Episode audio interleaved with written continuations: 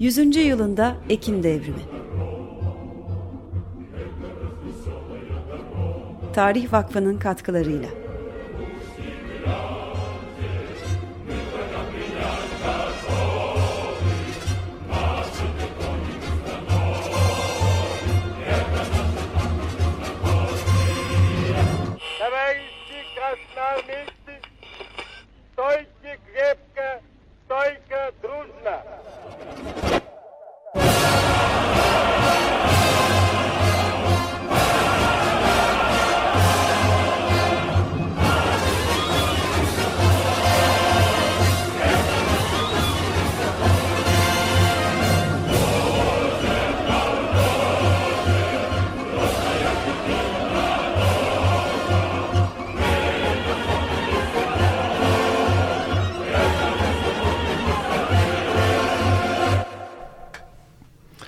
Hoş geldiniz. Merhabalar, hoş bulduk. Hoş geldiniz.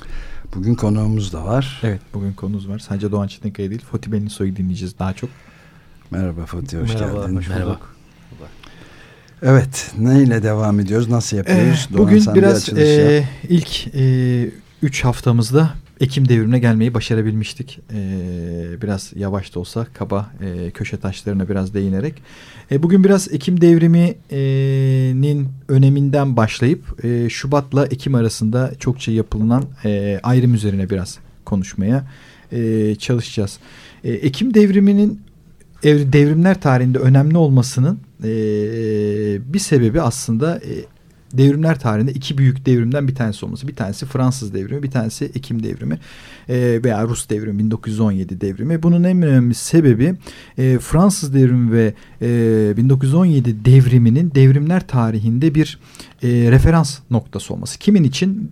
devrimlerle iştigal edenler, devrimler üzerine düşünenler veya devrimler e, tarihi içerisinde eğleyenler için e, iki devriminde çok önemli müstesna yeri vardır. Çünkü Fransız devriminden sonra modern devrimler tarihinde e, devrim yapmayı önüne koyan kişiler, fikirler ve gruplar artık ortaya çıkacak. Onun öncesinde e, daha çok e, isyanlar, direnişler, devrimci kalkışmalar var. Fakat e, kendi varoluşunu devrimcilikle tanımlayan e, ve bir devrimi planlayarak, e, tahayyül ederek gerçekleştirmeye çalışan e, çok sayıda kişi, düşünce ve grup e, örgütlenme yok. Bu bir şekliyle aslında bir Fransız devriminin de bir sonucu. Ve Fransız devriminden sonra e, 19. yüzyıl boyunca dünyada var olan bütün devrimlerde veya devrimi gerçekleştirmek isteyen şahsiyetlerde Fransız devrimi bir rol model olarak ortaya çıkacak. Bundan dolayı aslında devrimlerin şahı gibi bir şey Fransız devrimi.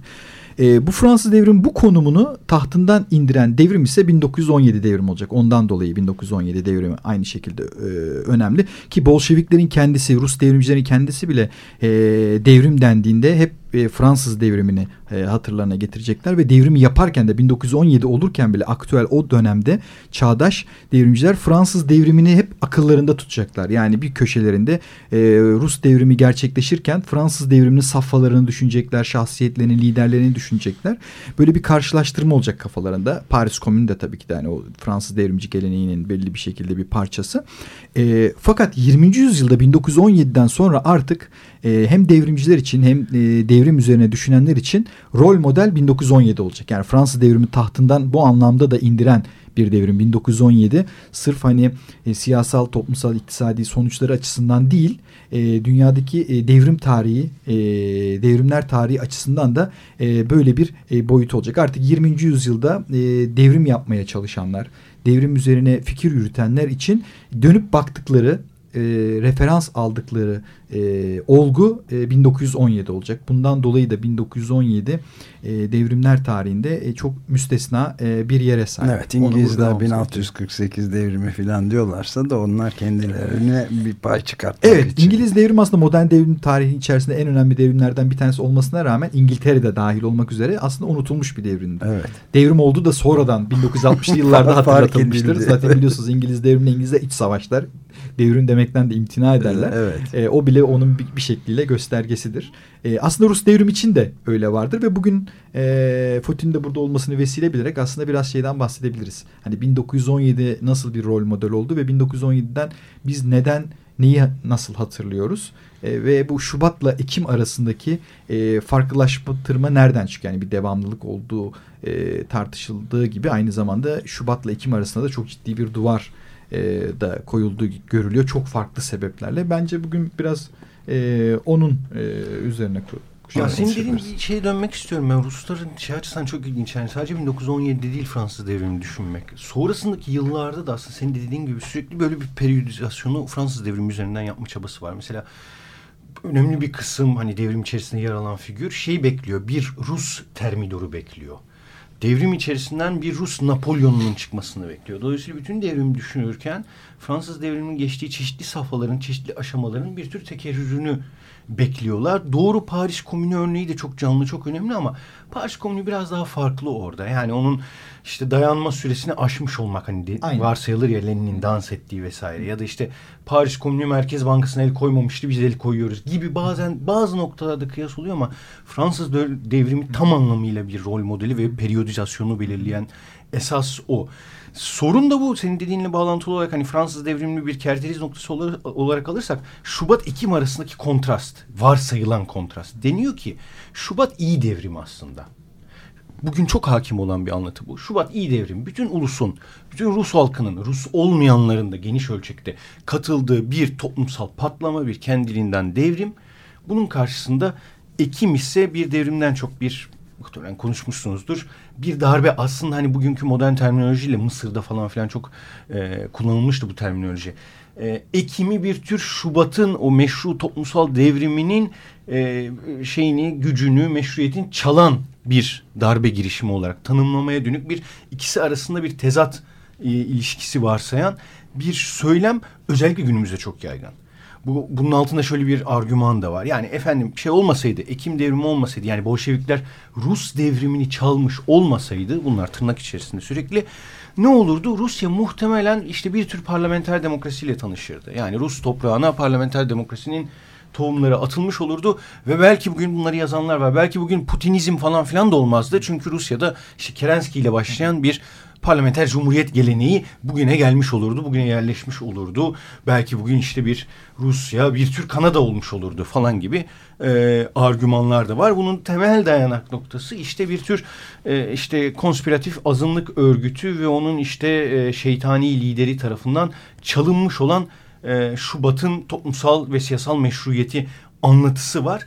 E burada biraz tabii farklı düşünmek gerektiği kanaatindeyim ben e, kişisel olarak. Yani Şubat'ı ile Ekim'i ile Rus devrimi dediğimiz şeyin ya da Sovyet devrimi demenin daha doğru olduğunu düşünüyorum. O da küçük harfle Sovyet, büyük harfle değil. Çünkü bir arkadaşım bahsetmişti. Ee, genç kuşaklar arasında şey çok yaygınmış. Yani Sovyet dendiğinde bunu sadece bir devlet olarak düşünüyorlar. Evet, Halbuki evet. bizim açımızdan diye düşünüyorum ben.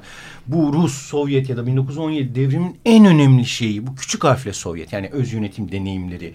Sonrasında tabii ki bu Sovyet demokrasisi cılızlaşacak, zayıflayacak. O ayrı bir tartışma konusu ama bu devrim açısından en önemlisi bu öz yönetim tabii. deneyi ve onun en önemli organlarından bir, bir çeşit şura yani. kabul şura, ediliyor. Yani Belki aslında... bu vesileyle bir ufacık parantez açayım. Yani İran devrimine de e, bu vesileyle ileride bir daha dönmek gerekebilir. Yani ilk Hümeyni el koymadan önce evet, çok orada, ciddi bir tabii, yani tabii, ana tabii. şuralardan oluşan bir çeşit İran Sovyet devrimi de Gerçek oldu. Gerçek toplumsal devrimlerde çok sık karşılaşılan bir olgu. 1956 Macaristan'da da evet, söz konusu aynen, olan. Yani onu da söyleyecektim. ya da şura ya da Sovyet dediğimiz öz yönetim deneyleri açıkçası çok önemli. Ama işte bu bir şekilde toplumsal bellekten kendisini hatta solcu olarak gören insanların belleğinden bile silinmiş durumda. Evet. Bir not da düşeyim. E, bilgisayarda da mesela şey yazarken e, dikkatimi çekmişti. Sovyet yazdığınızda Türkçe şeyde küçük harfle yazdığınızda hemen düzeltiyor ya da altına şey yapıyor kırmızı çizgi çekiyor. ee, dolayısıyla aslında Sovyet'in devletle özdeşleştirilmesi tam da varlık ve çıkış şeyini düşündüğünüz zaman, mantığını düşündüğünüz zaman tarihin önemli bir ironilerinden bir tanesi. Ama o söylediğiniz İran'la ilgili şey Rus devriminde bu şimdiden devam etmek için önemli. Neden? E, çünkü hani biz bir şekilde bu devrimleri bugünden hatırlıyoruz ve bugün bizim için anlamlı olan şeyleri öne çıkartmaya çalışıyoruz veya hatırlanan hatırlayanlar üzerine yazanlar aslında tamamen bugünkü politik ihtiyaçlarla korelasyon halinde bir e, anlatı e, kurguluyorlar. O şimdi Foti'nin dediği yani bu Ekim, Şubat e, karşılaştırmasında aslında olgunun kendi yaşandığı sürece baktığımızda onun içerisinde e, Şubat'la Ekim e, kontrastından daha ziyade aslında Şubat, Ekim ve Kornilov arasında yani İran devriminde olduğu gibi her devrimde bir taban örgütlenmeleri, öz yönetim örgütlen mutlaka çıkar. O bir toplumsal, siyasal gerçek anlamda bir devrimse. Bir anda siyasi örgütlenmeler vardır bir şekilde devleti de fethetmeye çalışan. Bunlar arasında bazen gerginlikler olur, bazen uyumlar olur ama bunun dışında da her zaman bir karşı devrim ee, Çok ve ilginç. Yani Fransız devriminde olduğu, olduğu gibi şey. mesela Elbette. ilk anayasaları çok net olarak hatırlıyorum. İşte kadınların oynadığı muazzam önemli rolü ön plana çıkaran şahane bir anayasaları vardı. Onu silip attılar sonra Humeyni gelince bitti o iş. Evet, çünkü her devrimin de kendi içerisinde bir tarihi var ve onu bütünlüğü içerisinde ele almadığımız zaman e, daha sonra baktığımızda hatırladığımız şeyler hani bu Şubat Ekim. Onun için şeye de bir, e, değinilebilir yani bu e, Şubat'la Ekim arasında bir karşıtlıktan ziyade aslında Şubat Ekim karşısında Kornilov gibi ya, tabii her devrimde. Çok önemli bu başlık. Çünkü hani işte bir Ekim'in alternatifi biraz önce bahsettiğim gibi bir parlamenter cumhuriyet, bir Kerenski figürü müdür? Ya o dönemin tanıkları dahi mesela Milyukov gibi işte liberal kadetlerin en önemli lideri bile aslında söylediği şu e, figürleştiriyor tabii. O Lenin'in alternatifi Kornilov diyor. Bütün dönem açısından yani ya karşı devrimci bir e, restorasyon süreci yaşanacak evet. ya da işte devrimin bütünlüğü o ya da Şubat'la ortaya çıkan bu gerçek toplumsal ve siyasal iktidarı e, simgeleştiren Sovyet iktidarı ele alacak. Bu ikisi arasında bir orta yol, bu ikisinin iki tarafında böyle ne bileyim en böyle olumlu yanlarını birleştiren bir orta yol somut tarihe baktığımızda pek e, gözükmüyor. İlginçtir. Sağ giderek sağa kırıyor, sol giderek sola kırıyor. Evet, Bütün toplumsal kutuplaşma dönemlerindeki karşılıklı siyasal polarizasyon burada da e, işliyor. Şubat'la Ekim arasında bir kontrast e, koyanların belki atladığı nokta şu.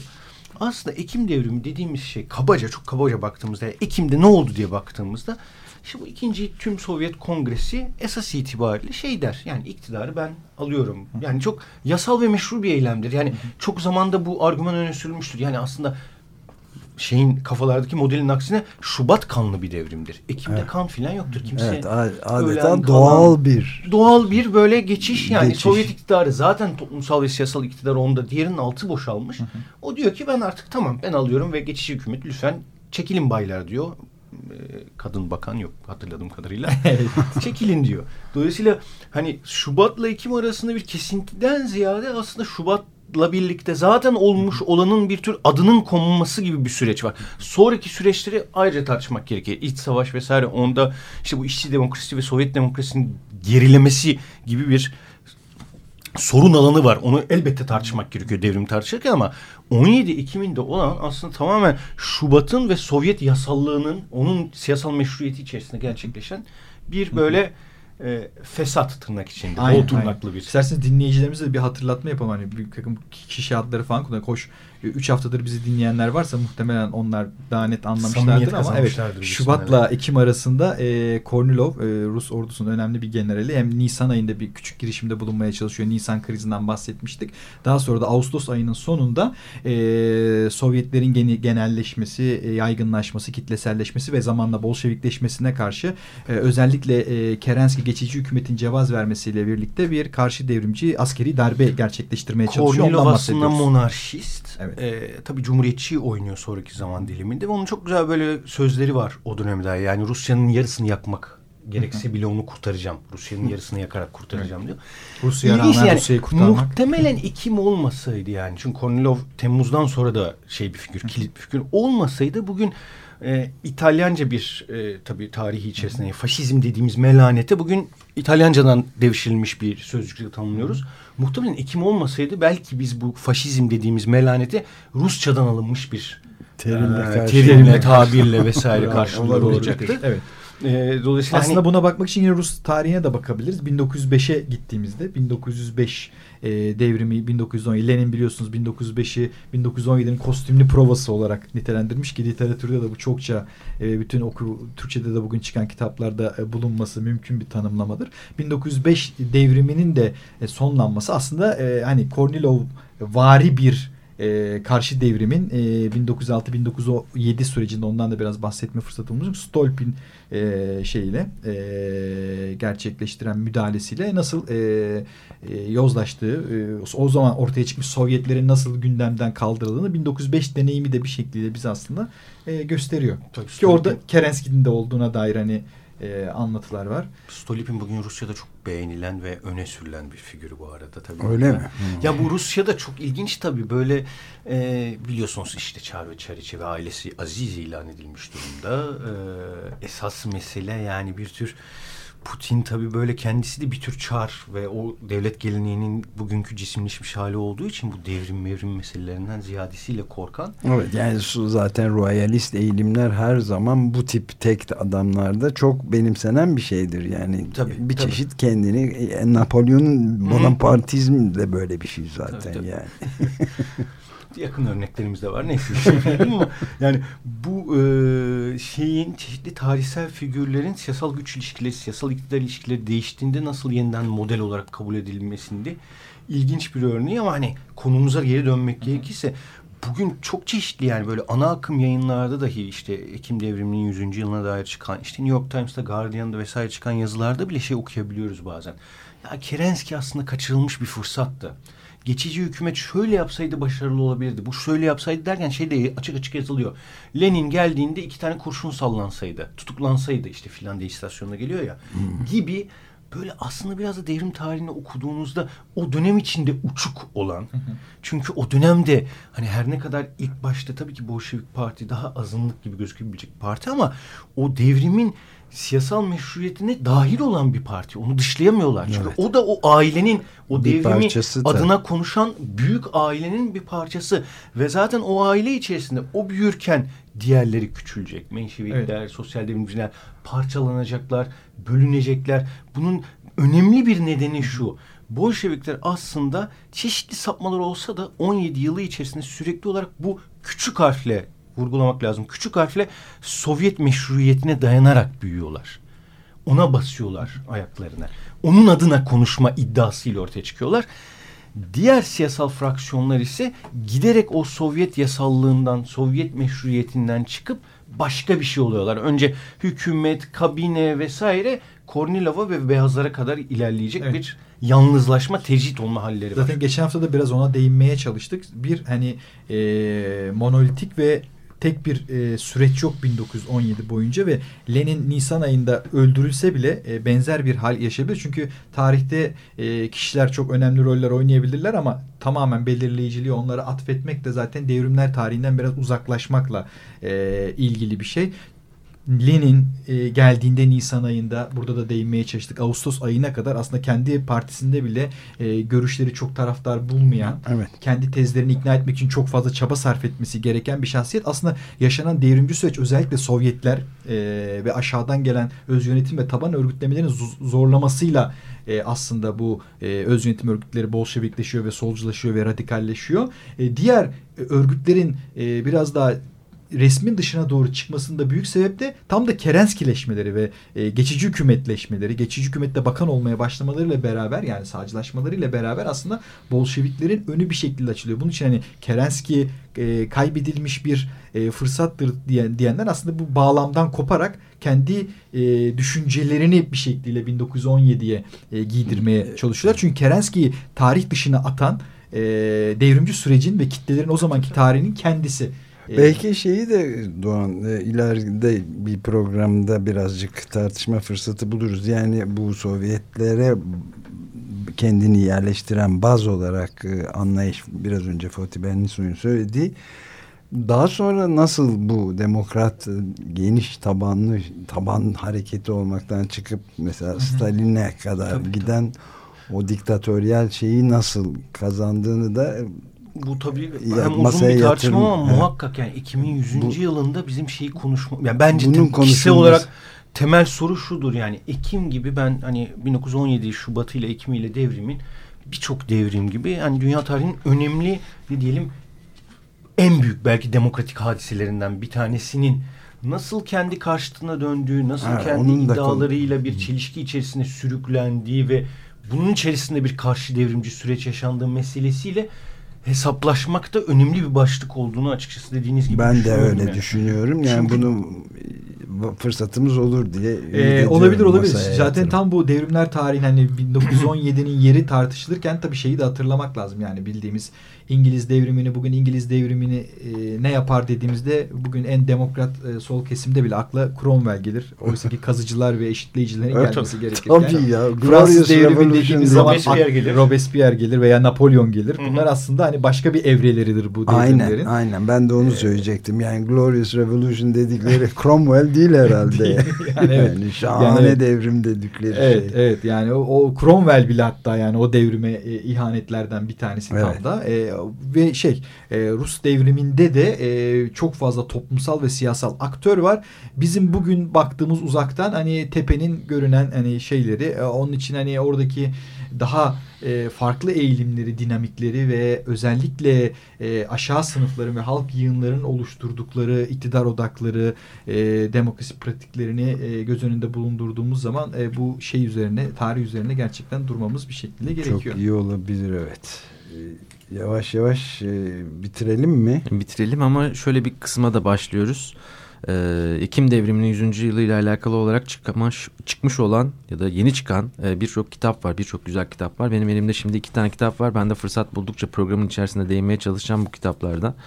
Bunlardan bir tanesi bizim programımızda adaş olan Yordam yayınlarından, Yordam kitaptan çıkan 100. yılında Ekim devrimi derlemesi. Hazırlayan Gökhan Atılgan e, birçok konu üzerinde e, farklı başlıklar taşıyan yazıyı, makaleyi görebilmek mümkün. E, Nazım Hikmet'in Kışlık Saray adlı şiiriyle başlayıp e, Edward Healthcare'ın e, Rus Devrimi ve Batı makalesiyle devam ediyor. Neil Faulkner var, Cem Eroğlu var. Ekim Devrimi ve Devlet Sorunun başlığı taşıyan yazısıyla beraber birçok bölümde birçok konuyla alakalı e, bir derleme kitap olarak nitelendirebileceğimiz bir kitap bu. 100. yılda özgü olarak yayınlanmış Yordam kitaptan çıkmış olan bir kitap. Diğer kitap ise okumaya başladım ama biraz yavaş yavaş isteyerek biraz yavaş yavaş gittiğim bir kitap. Benim daha önce bilim kurgu kitaplarından tanıdığım China Meanwhile yanlış mı okuyorum? Meanwhile mi? Meanwhile'ın e, Ekim adlı kitabı yeni çevrildi ve çok kısa sürede yeni yayınlandı ve çok kısa sürede Türkçe'ye çevrildi. O da şaşırtıcıydı. Ayrıntı yayınlarından çıktı bu kitapta. China Meanwhile ya da Meanwhile e, Hugo Nebula aynı zamanda Arthur Clarke ödüllerini almış olan bir bilim kurgu yazar. Kendisi aynı zamanda bir akademisyen. E, uluslararası hukukun Marksist e, teorisi üzerine bir doktora tezi vardı ve hala ders vermekte. E, aynı zamanda dediğim gibi bilim kurgu bilim kurgu yazarı e, spekülatif kurgu üzerine kitapları bulunuyor. Steampunk üzerine çeşitli kitaplar çıkarmış. Burada da yazdığı kitapta doğrudan Ekim devriminin hikayesini bir şekilde lirik ve hikaye formatında anlatıyor. Çok ilginç şeyler var. Altını çize çize okuyabileceğiniz kitaplardan bir tanesi bu. Burada çok ilginç bir anekdot var. Hemen onu aktarayım müsaadenizle. Sovyetler Birliği, Sovyetler isminin nereden geldiğini anlatıyor. Kısa bir hikayeyle beraber. İsyanın tuhaf tetikleyicileri vardır diye başlamış. Ekim 1905 Moskova'da bir noktalama işaretleri meselesi devrimin devrim yılının son eylemini ateşledi. Moskovalı matbaa işçileri harf başına ücret alıyorlardı. Şimdi Stin yayın evi çalışanları noktalama işaretleri için de ödeme talep ediyorlardı. Bir sempati grevleri dalgası dalgasını harekete geçiren esrarengiz bir ortografik isyan olarak nitelendirmiş bu durumu. Bu matbaacıların grevini fırıncılar ve demiryolu işçileri ve bazı bankerler desteklemişler. İmparatorluk Balesi'nin dansçıları gösteriye çıkmayı reddetmişler. Fabrikalar ve dükkanlar kapanmış. Tramvaylar hareket etmemiş, avukatlar davalara katılmamış, jüri üyeleri davaları dinlememişler. Demir yollarındaki tüm tren hareketleri durmuş, ülkenin demirden damarları tamamen donmuş. Bir milyon asker Mançurya'da mahsur kalmış. O zaman da bir savaş var.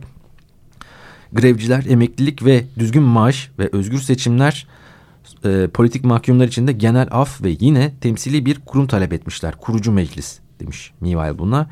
13 Ekim'de Menşeviklerin inisiyatifiyle yaklaşık 40 işçi temsilcisi SR'ler burada sosyalist devrimciler. devrimciler. Sosyalist devrimciler, Menşevikler ve Bolşevikler St. Petersburg Teknoloji Enstitüsü'nde toplanmışlar.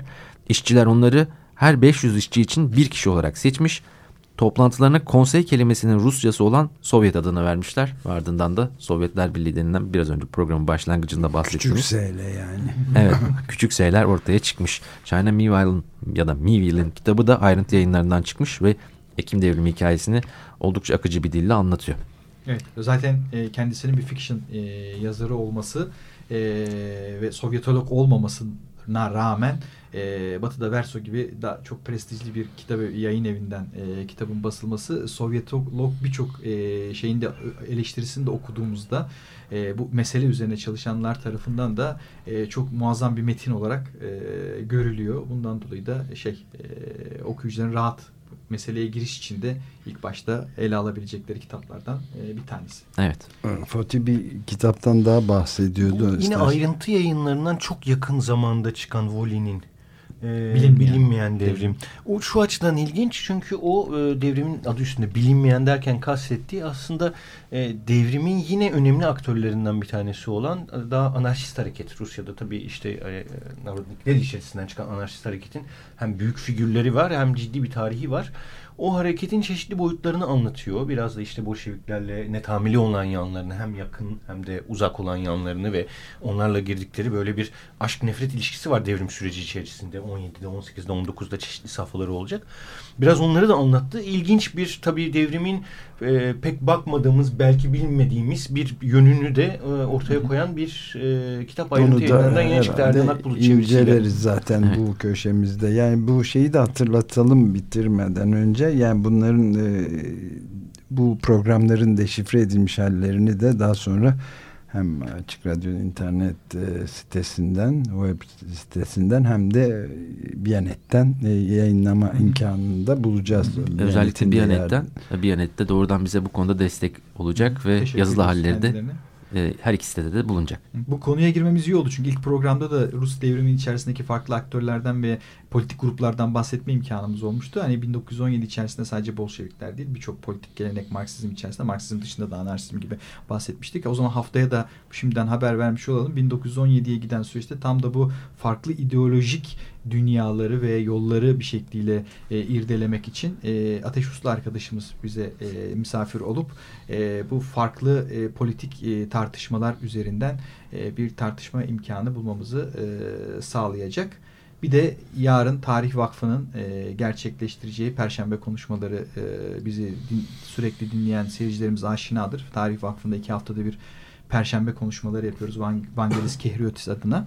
E, 1917'yi konuşuyoruz. Yarın da Tarih Vakfı'nda Masis Kürkçügil bize 1917'de Çarlık Rusyası'ndaki e, milletler sorunu ve 1917 üzerine yani çevre halkların 1917'den e, ne bekledikleri, nasıl katıldıkları e, ve ne buldukları üzerine. O çok bir... önemli bir konu çünkü biz Rus devrim derken de aslında bir hata yapıyoruz. Belki biraz da şey bir Rus şovenizmi yapıyoruz. Çünkü Rusya bir işte halkların hapishanesi olarak bayağı çok çevre çok, çok, dediğimiz topluluklar. İmparatorluk. Devrimin Şubat'ı ile Ekim'i ile devrimin önemli bir aktörler. Aktör. Rus devrimi dediğimizde biraz tabii o devrimi evet, evet. milli Sadece ve yerli kılmış evet, oluyoruz. Petrograd'da Moskova'da gerçekleşmiş bir devrim değil. Daraltmış evet. oluyoruz evet.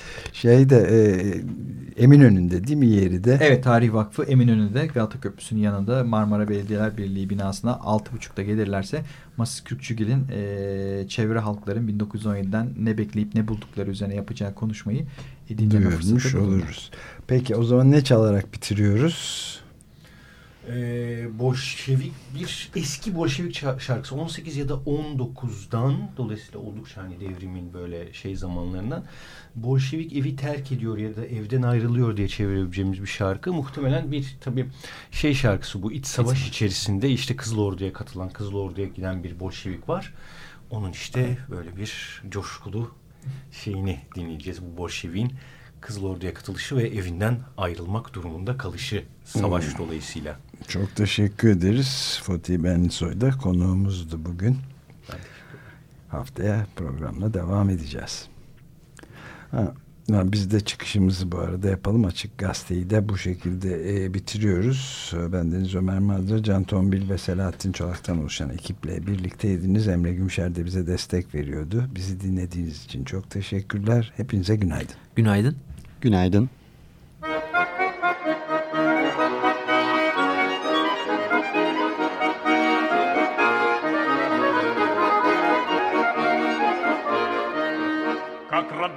Меня мать провожала, Тут и вся моя родня набежала. Тут и вся моя родня набежала.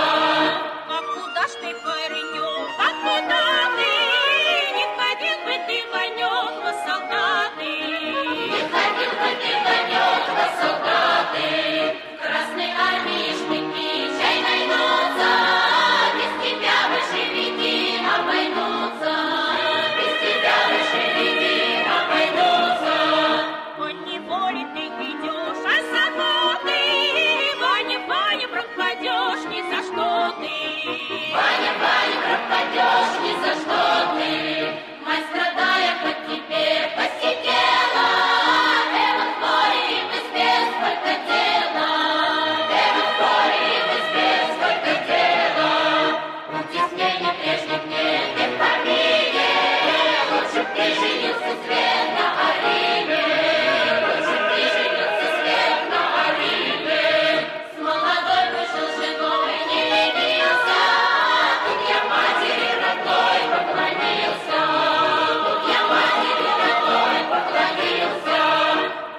Поклонился всей родне у порога. Не скулите вы по мне ради Бога. Не скулите вы по мне ради Бога. Будь такие все, как вы, ротозеи, Чтоб осталось от Москвы, от России. Чтоб осталось от Москвы, от России. Все пошло на старый лад,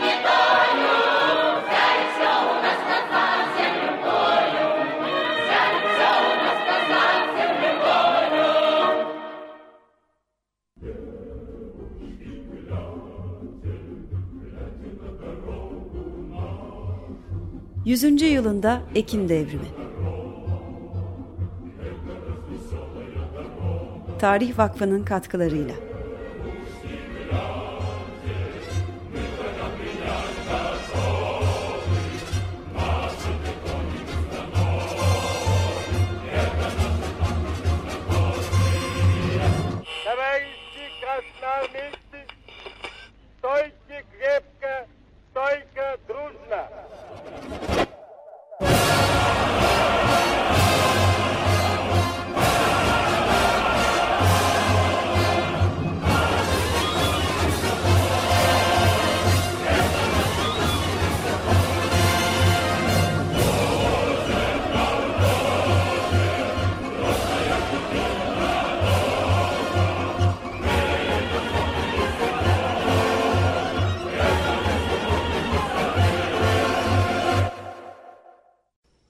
Açık Radyo program destekçisi olun.